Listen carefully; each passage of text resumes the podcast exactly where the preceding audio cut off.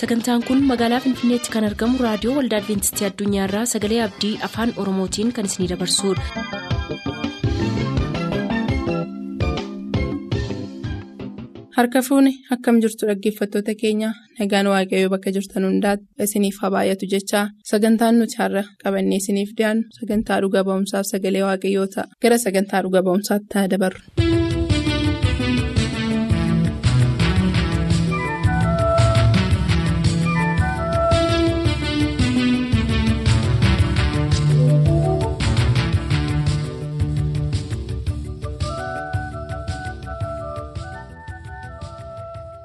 Gooftaatti kan jaalatamtan kabajamoota dhaggeeffattoota sagalee abdii sagantaan kun sagantaa dhuga ba'umsaati torbanitti guyyaa tokko kan isiniif dhiyaatu jechuudha har'a kutaa lammaffaasaa isiniif dhiyeessina turtiin keessaan nu wajjin haa ta'u.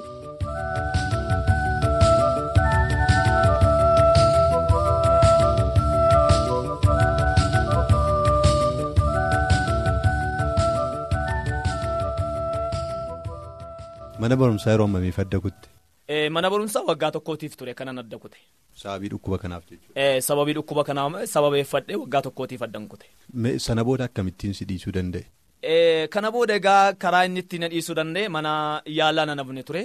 Mana yaalaa naqamtee si'a meeqan deebi'ee manoota yaalaa naannoo jiran hundumaa naanna'een ture. Ji'oota hundumaa keessatti qorichoota naaf jijjiranii turan. Qorichoonni naaf jijjiraman kun immoo lafa dhibee koo sana gaarii na fayyisuu hin dandeenye. Akka nama bishaan dhuguutti. Qoricha sana dhugeetaniin callisa malee dhibee koo sanaati bu'aana tokkollee hiikkaa sana anaaf fiduu hin dandeenye ture.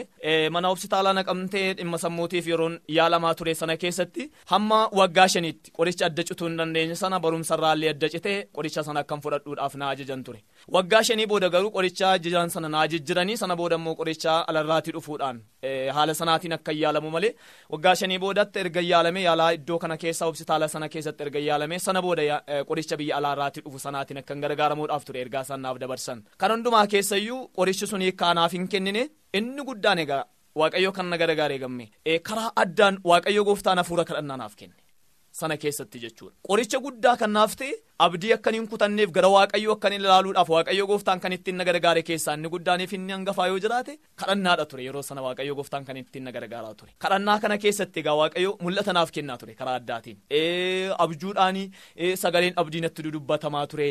Na yaadadha guyyaa gaaf tokkoofaa seexanni yeroo itti gara kootti dhiyaatee abjuu keessatti xinnoo sheeroonni gara kootti dhufu abjuudhaan of wallaala turen yeroo sana. Hirriba sana keessa jechuu barbaadeeni otoo rafaa jiru guyyaa gaaf tokko maaltu ta'a? Boolla guddaa tokkotu fuula koo dura jira ture. Boolla guddaa sana gama immoo galaana guddaa irra darbuu hin dandeenyetu jira ture. Galaana sanarraa boolla sanarra yoo nu taale galaana sana keessa bu'a galaana sana immoo irra deemee darbuu hin danda'u ture. Sana booda maalan godha jedhee otoon fiigaa jiru duuba kootiin immoo wanti na ari'u tokko bineensi guddaa tokko jira ture. Kan abjuu kootiin nan arga. Bineensa guddaa sana baqachaan jira. Yoon utaale boolladhaa boolla sanarra yoon darbe immoo galaana. Bineensa sana yoon eege immoo bineensa sanatu na nyaata. Kana gidduu dhaabadheetaniin iyya guddaan iyya ture. Iyyaani guddaa iyyu sun immoo ollaaniin dhagaa namoonni hundumtuu yaa'u gaa yeroo sana. Afurri koo gargar citee dhagaa yeroo sana qaamni koo amma diilallaa'utti illee ni ta'a. Maatiin na qaqqabanii inni kaan bishaan natti naqaan ni kaan maal ta'anii garuu yeroo sana abjuu keessan jira ture. Kan hundumayyuu ta'e bineensicha sana duuba kan fiigu immoo namtichi tokko uffannaa gadheeraa uffatee uffannaa adii uffatee eeboo guddaa tokko qabatee bineensicha sana duuba fiigaa jira battaluma ani boolla sana bira ga'u bineensi sun na bira ga'u inni eeboo baatee bineensicha sana wajjin fiigaa jiru immoo bira ga'ee saggoo bineensichaa sana keessa waraane. Sana booda yeroo inni bineensi sun waraanamu na dura darbee boolla guddaa sana keessatti kufe bineensi sun. Sana booda yeroon gara fuuldura koo ilaallu boolli sunis fuula koo dura hin jiru galaanni sun immoo akka hurriitti fuula koo duraa yaa'ee darbeera karaa koo irra bu'eetaniin gale. Hirriba sana keessaatii utaalee yeroon ka'u maatiin ganna qabanii maal maallaan jedhanii sana booda abdiin tokko natti horame inni na ari'aa jiru waaqayyo gooftaan narratti waraana akka jiru naaf gale. Kanaatiin hamma tokko gara abdiittan dhufe ammas illee tsoomaaf kadhataatiin numan kadhadha ture kadhannaa. Gara waaqayyootti numan iyya. Waaqayyo gooftaan immoo yeroodhaa gara yerootti abdii akkan hin kutanneedhaaf waaqayyo gooftaan karaa abjuu sinnatti dubbata karaa namaa sinnatti dubbata karaa baay'ee abdii naaf galaa ture waaqayyo. Kana kee hundumaa keessatti humna waaqayyo argaa gara xumuraatiitti guyyaa gaaf tokko ammas maalan argaa otoon ciisaa jiruuti. Namichi tokko mana seena. Sana dura maaltu ta'a guyyaa? Foolii warra du'anii owwaalli naannoo keenya jiru funyaan kootti na ba'a yeroo funyaan kootti na ba'u owwaalluu naannoo kana hin jiru. Fooliin kun eessumaa dhufa. Jedhootuun ajaa'ibsiifachaa jiru. Baay'ee silaa namatti dubbachuu hin danda'u kana ta'e jechuu hin danda'u. Afaan kun dubbatu waan na ta'eedhaaf sana booda utuman taa'aa jiru abbootiin koo warri du'an akkooniin koo waan maal warri du'an kun ufanii natti mul'achuu jalqaban. Yeroo isaan ufanii natti mul'atan ol seenaniitu ba'u ittiin agarsiisa ijoollonni manduubara naanna'anii ilaalu namni hin jiru garuu kan hundumaa keessa ta'e sana booda galgala sana akkan du'utti sammuu kootti na dhaga'a foolii warri du'anii natti dhufeera warri du'an ekeraan natti mul'achaa jiru. Ani kana booda baqqaa gara du'aatti darbu. Wayyuu yaa waaqayyo otoo iddoo hin gayin nan cite. Lafa garaa kee otoo siif hin gayin maatii koollee waan tokkollee otoo hin godhin ani karaatti cituu kooti waaqayyo garuu waan tokkommoo sin kadhadha cubbuu koo duwwaanaaf dhiifte gaafa olii dhuftu sana samaayitti akkana yaadattuudhaaf isa kana duwwaarratti akkana yaadattuudhaaf sin kadhadha jedhee waaqayyoon kadhadha. abdii kutannaa sadhumaatti waan dhufeef egaa kana keessatti fooliin kun waan natti ba'aa jiruu fi warri kiraa warri du'anis natti mul'achaa waan na jiraniidhaaf baqqaani galgala kana nan du'a. Haadha galagalan du'a waan na ta'eedhaafi tokko harmee koottillee nagaa dhaamuutu narra jiraata.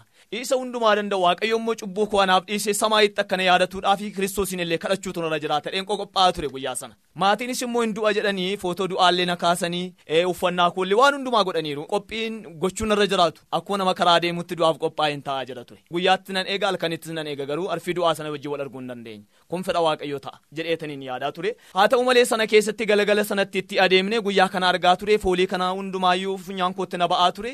Galagala sana yeroo nani xinnuma ishee rafuu namichi tokko balbala banatee balbala seenaa jira. Hirriba sana keessaa yeroo hin ka'u nama ani beeku miti. Nan dubbadha jennaan duraan arrabni koon dubbatu dura harki koon hin socho'a ture sana booda harki koos hin socho'u miilli koos hin socho'u ture. Namichi sun balbala banatee ol seenee balbala deebisee gadi cufee miila tokkoon balbalatti ejjetee miila tokkoon immoo sireetti ejjetee duuba isaarratti immoo eeboo guddaa baata ture. Eeboo sanaan na waraanuudhaaf sana booda tokko lama sadii jedhe yeroo inni miila isaa ol fudhatu? Bayya sooseem jedhe ture sagalee guddaadhaan sana booda eeboo sana akkuma harka isaa keessaa baaseen laphee isaatti ofitti deebisee of keessa baaseetu balbala jalatti kufe. Galanni waaqayyoof haa baay'atu ani egaa yerooma sanatti daqiiqaan sekendiin du'aa koo yeroo sana ture. Eeboonaaf qophaa'e sana waaqayyo gooftaan kallachaatiin laphee diinaa sanatti deebise eeboo sana akkuma laphee isaa keessa baaseen harka isaa isa tokkootiin balbala banatee ba'ee sokke. Rifeensi mataa koo egaa sa'aatii sanatti tokko tokkoon ol kaatee dhaabbatte anis iyya guddaan iyyee maatiinis na wajjin rakkatanii namoonni ollaa yaa'anii dhufanii lakkaa yeroo takka takka du'i barbaadamee dhabama jechuudha naan jechuudhaan sagaleen namootaa gurra koo bu'a ture. Kun isa dhuma abdii na kutachiisaa turedha ture. Maatiin koos abdii anaaf fixataniiru gargaarsa na gargaaruun irra jiraatu isaanis naaf godhaniiru anis boo'icha boo'uun irra jiraatu hundumaa fixadheen ture du'a qofadha ture kanan eeggachaa jiru. Sana booda guyyaa gaafa sana waaqayyo gooftaan eeboonaaf qophaa'ee sana laphee diinaatti otoo ni deebisu iji koo argeera. Ammas kadhannaa koottan fufe otuman kadhachaa jiru kadhachaa jiru dhukkubni kun ammallee narraatii addan baane ture. Qaama koo keessa deemee na ciniinaa sammuu koo keessa deemee na ciniinaa. Baqa haala inni narratti raawwatu gochi diraamaan jireenya koo irratti raawwatu kanadha jedhee amman dubbadhe yeroo naaf kenname kana keessatti ibsuu hin danda'u. Garuu haa ta'u malee kana keessatti ammallee gara waaqayyootti akkan iyyuudhaaf waaqayyo hafuura kadhannaa daddabalee naaf kennaa tureera. Kadhannaa kana keessatti otoo man kadhachaa jiru tsoomaaf kadhataatiin ammallee guyyaa gaaf tokko kadhannaadhaaf gara achiin baheera ture caakkaa keessattan kadhadha. Manatti yeroon kadhadhu yeroon ani boo'u harmeen koo dhukkubichi dhukkuba sammuuti waan ta'eedhaaf boo'icha hin jaallatu dhiisii jettee na lolti yeroo baay'ee. Ani immoo jilbeeffadha yennaan himimmaantu narra dhangala'aa ture. Sana booda kana baqaaf jecha gara caakkaa deemee yeroon bosona keessa deemee waaqayyootii yeroon kadhadhu achumatti hirribni naaf dhufe. Gargaarsaaf gara kee ilaalee ani qaanoomne gooftaa gosi hoomodhee ani yeelaane warra naannoo lalloottee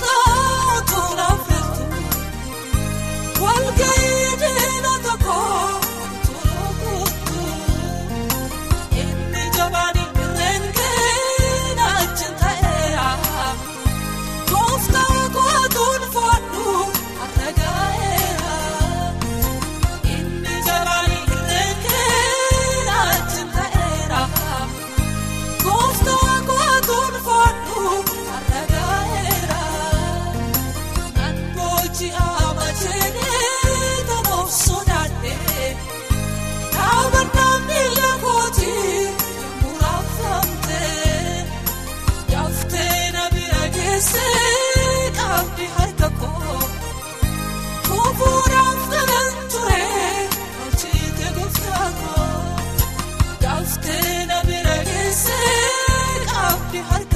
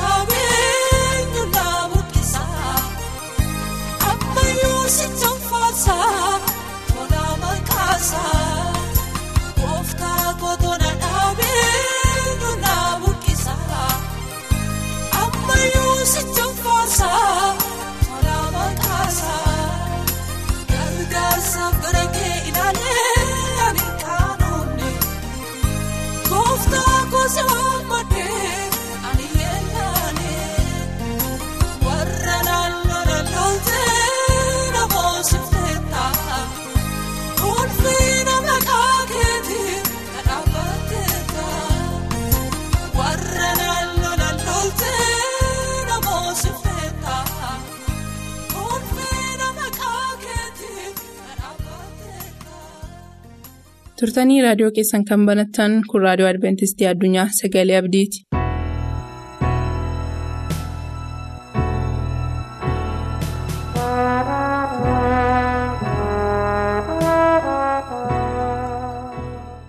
Akkam jirtu dhaggeeffattoota sa'aatii kanaan isa nu ga'ee fayyisaa keenya teessoo irratti hin galateeffannaa yeroo kana dubbii waaqayyo nuuf fidee wal wajjin ilaaluun duraa mataa keenya gadi qabannee iddoo jirrutti garaa keenya waaqayyoof laannee gooftaa samaa hin kadhanna. Amanamaadhaaf qulqulluu kabajamaa galata siif dhiyeessina gooftaa galata fudhachuu qabdu kabajni martuu siif kan ta'uu qabu ulfinni guddinni maqaa keessa jiraataaf haa ta'u. Sa'aatii kanaan kan nu ga'e siin erga ta'ee kaayyoof karoora malee miti. Dubbiin kee gaafa nutti dubbatamu garaa keenya weeraree jireenya keenya akka sirreessuuf akka sochoosuuf nu gargaari. Eenyuyyuu miti samaayii keessaa bahee nutti dubbadhu garaa keenyatti geeddarii karaa dubbii kee maqaa gooftaa yesuusiin ameen. Yeroo kana sagalee gooftaan keenya fide immoo akkana jedha faarfattoota dukkana keessaa faarfattoota dukkana keessaa. Yeroo tokko Phaawulos ta'iin addaa isa qaqqabee ture. Itoo inni markabaan bishaan irra adeemu ture yeroon sun. Namoota inni wajjiniin jiru namoota baay'ee ture. Raafamni guddaan ta'u irraan kan ka'e namoonni sun keessi garaa isaanii baay'ee jeeqamaa jira. Du'aa fi jireenya gidduu ture kan isaan jiran. Sababa kanaaf jecha hundumtuu hunkuramaa waan jiruuf Phaawulos illee isaan keessaa nama tokko ture. Hojii ergamootaa boqonnaa 27 lakkoofsa 34 irratti kan inni argannu akkana jedha. Ooluudhaaf iyyuu. Nyaachuun isin barbaachisa. Kanaaf nyaata nyaata akka nyaattan isin nan gorsa. Isin keessaa mataa nama tokko irra iyyuu rifeensi tokkichi illee hin badu jedhe. Phaawulos akkuma namoota kana raafamuudhaaf garaa isaan eeyyamne. Rakkinni isa qaqqabe yoo jiraateyyuu qilleensi raafamaan namoota sana wajjiniin kan isa qaqqabe yoo jiraateyyuu inni garuu waan itti amanate waan beekuudhaaf akka namoota kanaa hin raafamne garuu maal jedhe malee yaa obboloota isin keessaati. Namni tokko illee rifeensi mataa isaayyuu kan badu hin jiru. Markabii kun caccabuun isaa hin oolu. Yoo caccabes garuu isin keessaa namni tokko kan badu hin jiru. Kanaaf hin raafameenaa jedhee sagalee jajjabinaa isaanitti hima ture. Dubbiin kun waanuma salphaatti dubbatame miti obboloota ko. Phaawulos wanti isaaf galee jiraayyuutii waan inni dubbachaa jiru.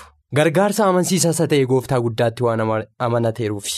Obboloonni kunis immoo wanti badu yoo badeeyyuu rakkinni fuula keessan dura jiru tasumaa isin qaqqabuu hin danda'u jedha. Waan hugaluu qaba amantoota jireenya keenya keessatti wanti nu raasu baay'een jiraachuu hin danda'a. Wanti nu raasu kun ofii isaatii yoo badeeyyuu nuyi baduu akka hin dandeenye fayyisaan keenya iddoo kanatti waadaanuuf gala. Inni isa kakatee nama haalu miti waan ta'eef. Jechi Phaawulosis jecha fayyisaa keenya irraa fudhatame waan ta'eef raafamuun tokkollee isa keessatti mul'anne inni isa tokkichatti cimsee waan amanateeruuf. Galaanni kuramus markabni caccabuudhaaf kan jedhu yoo ta'es Phaawulosii kan raasu tokkollee hin jiraanne. Phaawulos nama amanataa cimaa wangeela qulqullaa'aa kana labsuudhaaf Oromoota gidduutti dibamee gadhiifame ture. Kun ergaa biyya waaqaati isatti kenname. Iddoo kamittiyyuu taanaan Phaawulos eenyummaa isaa nama hin daganne ergama isaa nama hin irraanfanne nama ulfinni Kiristoos irraan mul'atudha. Itoo jedhuuti namni kun guyyaa tokko gara warra Filiippiinsi keessatti adeemsa gaafa kaa'atu achi keessatti immoo ta'ee kana fakkaatutu isa mudata ture. Ta'iin sun rakkina ari'atama ture. Jalqaba wanta gaariitu isa qunname ture. Maal ture? Warri Filiippiinsi keessatti listiraa kan jiraatan namoonni listiraa maal jedhani? Phaawulosii fi Silaasiin akkasumas Baarnaabaasiin arganii gaafa sana keessumaa Baarnaabaasii fi Phaawulos ture hojii adda bahee listiraa keessatti hojjechuudhaaf kan ergame warri listiraa waaqayyooliin waaqarraa gadi nuu dhufanii har'ammoo waan dinqiitu ta'ee ergamoota gadi nuu bu'e jechuudhaan gammachuu guddaarraan kan ka'e uffata isaanii amma tarsaasanitti fiigicha guddaadhaan korma qabanii jara kanaatiif akka aarsaatti dhiyeessuudhaaf tuntunoo qabanii jara kanaatiif. qaalma gubamaa godhanii dhiyeessuudhaaf waaqa keenya jedhanii miilli isaanii hamma dadhabutti aarsaa aarsuudhaaf fiigaa turan. Haa ta'u garuu jechoota Phaawulosii fi Baarnaabaas deebii isaaniif kennan gaafa ilaallu hojii ergamoota boqonnaa kudha afur lakkoofsa kudha tokko keessatti argachuu hin dandeenye. Akkana jedhanii deebii isaanii keessatti. Yaa obboloota nana waan isin gochaa jirtan nuun galu. Uni akkuma keessan nama warra foon uffatedha. Waa tokkollee gochuudhaaf hin dirqamiinaa. Isa tokkicha duwwaaf sagananu. Innis ilma waaqayyoo isa du'ee du'a moo immoo ka'eedha jedhanii deebii deebisan. Iddoo kanatti karoorriif kaayyoon Phaawulosiif Baarnaabaas ammayyuu isa ganama itti amanatanii fi hundee lallaba isaanii isa godhatan kiristoosiin hin daganne itti labsaa jiru. Isin isa tokkichaaf sagadaa ilma waaqayyoo isa jiraataa kan jedhu of keessaa qaba duubi dubbii kana. Maal jechuudha nuyi akkuma keessan nama nuuf waan tokkollee gochuu hin dandeessan aarsaa nuuf dhiyeessuu hin dandeessanii jechuudhaan dubbii isaanii goolabuu barbaadu. Phaawulos dhimmi gooftaa yesus isa keessatti raawwate argeera. Damaasqoo keessatti ija cubbuu isaarraa maal akka haxaa'e gooftaan waan beekuuf qabatamaatti waan isa argeef callisuu hin danda'u. Kanaaf sagadamuuniif kan ta'u gooftaa kana duwwaaf akka ta'e beekeetu isin kan sagaduufi qabdan eenyuuf isa waaqa jiraataa ta'e ilma waaqayyoo duwwaafii jedha. Kunuuf hin sagadiinaa jechuudha. Ee namoonni tokko tokko rakkinni isaanii har'a yaada isaanii gara qarshii isaaniitti deebisuudhaan yeroo itti sagadan waaqa tolfamaa godhatan namu akka isaaniitti illee yeroo itti jilbeeffatanii waaqa duraa galata dhaban ergamaamatti illee yerootti jilbeeffatanii ulfina waaqa duraa dhaban iddoo baay'eetti arguu hin dandeenya. Addunyaa keenya keessatti haala garaa garaan mul'achaa jira. Haa ta'u sagalee waaqa jiraataa ergamaaf illee taanaan eenyuuf illee taanaan sagaduuf akka hin barbaachisne mul'ata boqonnaa 22 lakkoofsa 8 keessattiyyuu ergamaan maal jedhee yohannisiin ati. nuuf hin sagadiin nuyis hidhata hojii warra akka keetii hojjechuudhaaf kiristoosiin tajaajiluudhaaf ergamedha malee waaqeffamuudhaan aarsaan isaaniif haa ta'uudhaaf warra ergame miti jedhee dubbata har'a obboloota ko waan nu goomsee jiraate nama akka keenyaaf sagannoo yoo ta'e ergamoota waaqarra keessa jiran yookiis lafarra kan jiran uumamaaf sagannoo ta'e dhuguma yoo beeknu galata dhabneerra yesus kiristoos duwwaaf aarsaa aarfame duwwaatu galata qaba paawulos kanaaf kana jedhe. Ergaasaa keessatti Phaawulos yeroo dubbatu ani kana lallabu isa kamidha isa jiraataa ilma waaqayyoo isa tokkichadha. Lallabni koo masii isa jiraataadha. Hojii ergamoota boqonnaa kudha torba lakkoofsa sadiirraa akkanadha. Achumaan dubbicha isaanii ibsaa masiihin dhiphachuun warra du'an keessaa ka'uun isaaf hin ta'a akka ture macaaficha keessaa dhugaa itti baase. Akkasumas yesus inni isaanitti labsu kun immoo Kiristoos masiicha hin jedhaam ture. Phaawulos. jara sanatti yommuu labsuudhaaf qophaa'etti afaansaa yommuu saaqatu maal jedhe ani kanan isinitti labsaa jiru eenyudha masiisa jiraataadha.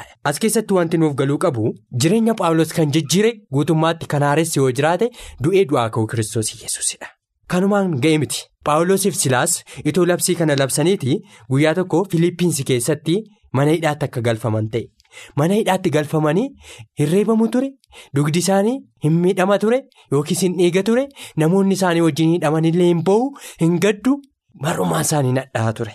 Filiippisius boqonnaa tokko lakkoofsa 21 irratti egaa Paawulos maal jedha rakkachuun bu'aa kooti dhiphachuun anaaf gammachuu guddaadha kiristoos wajjin ta'e jedha. Gaafa mana hidhaa Filiippiinsees keessatti hidhaman kanaa halkan guutuu faarfachuutti ka'anii jedha isaan. Gaafa faarfachuutti ka'anii jarri hundumtinuu faarfannaa isaanii arganii gammachuurraan kan ka'e rakkina isaanii irraanfatanii. Faarfattoota dukkana keessaa warra hidhaa namarraa hiikuu jechuun warra kanadha. Obboloota ko faarfannaan keenya qoricha namaaf ta'e namoota ni gargaara.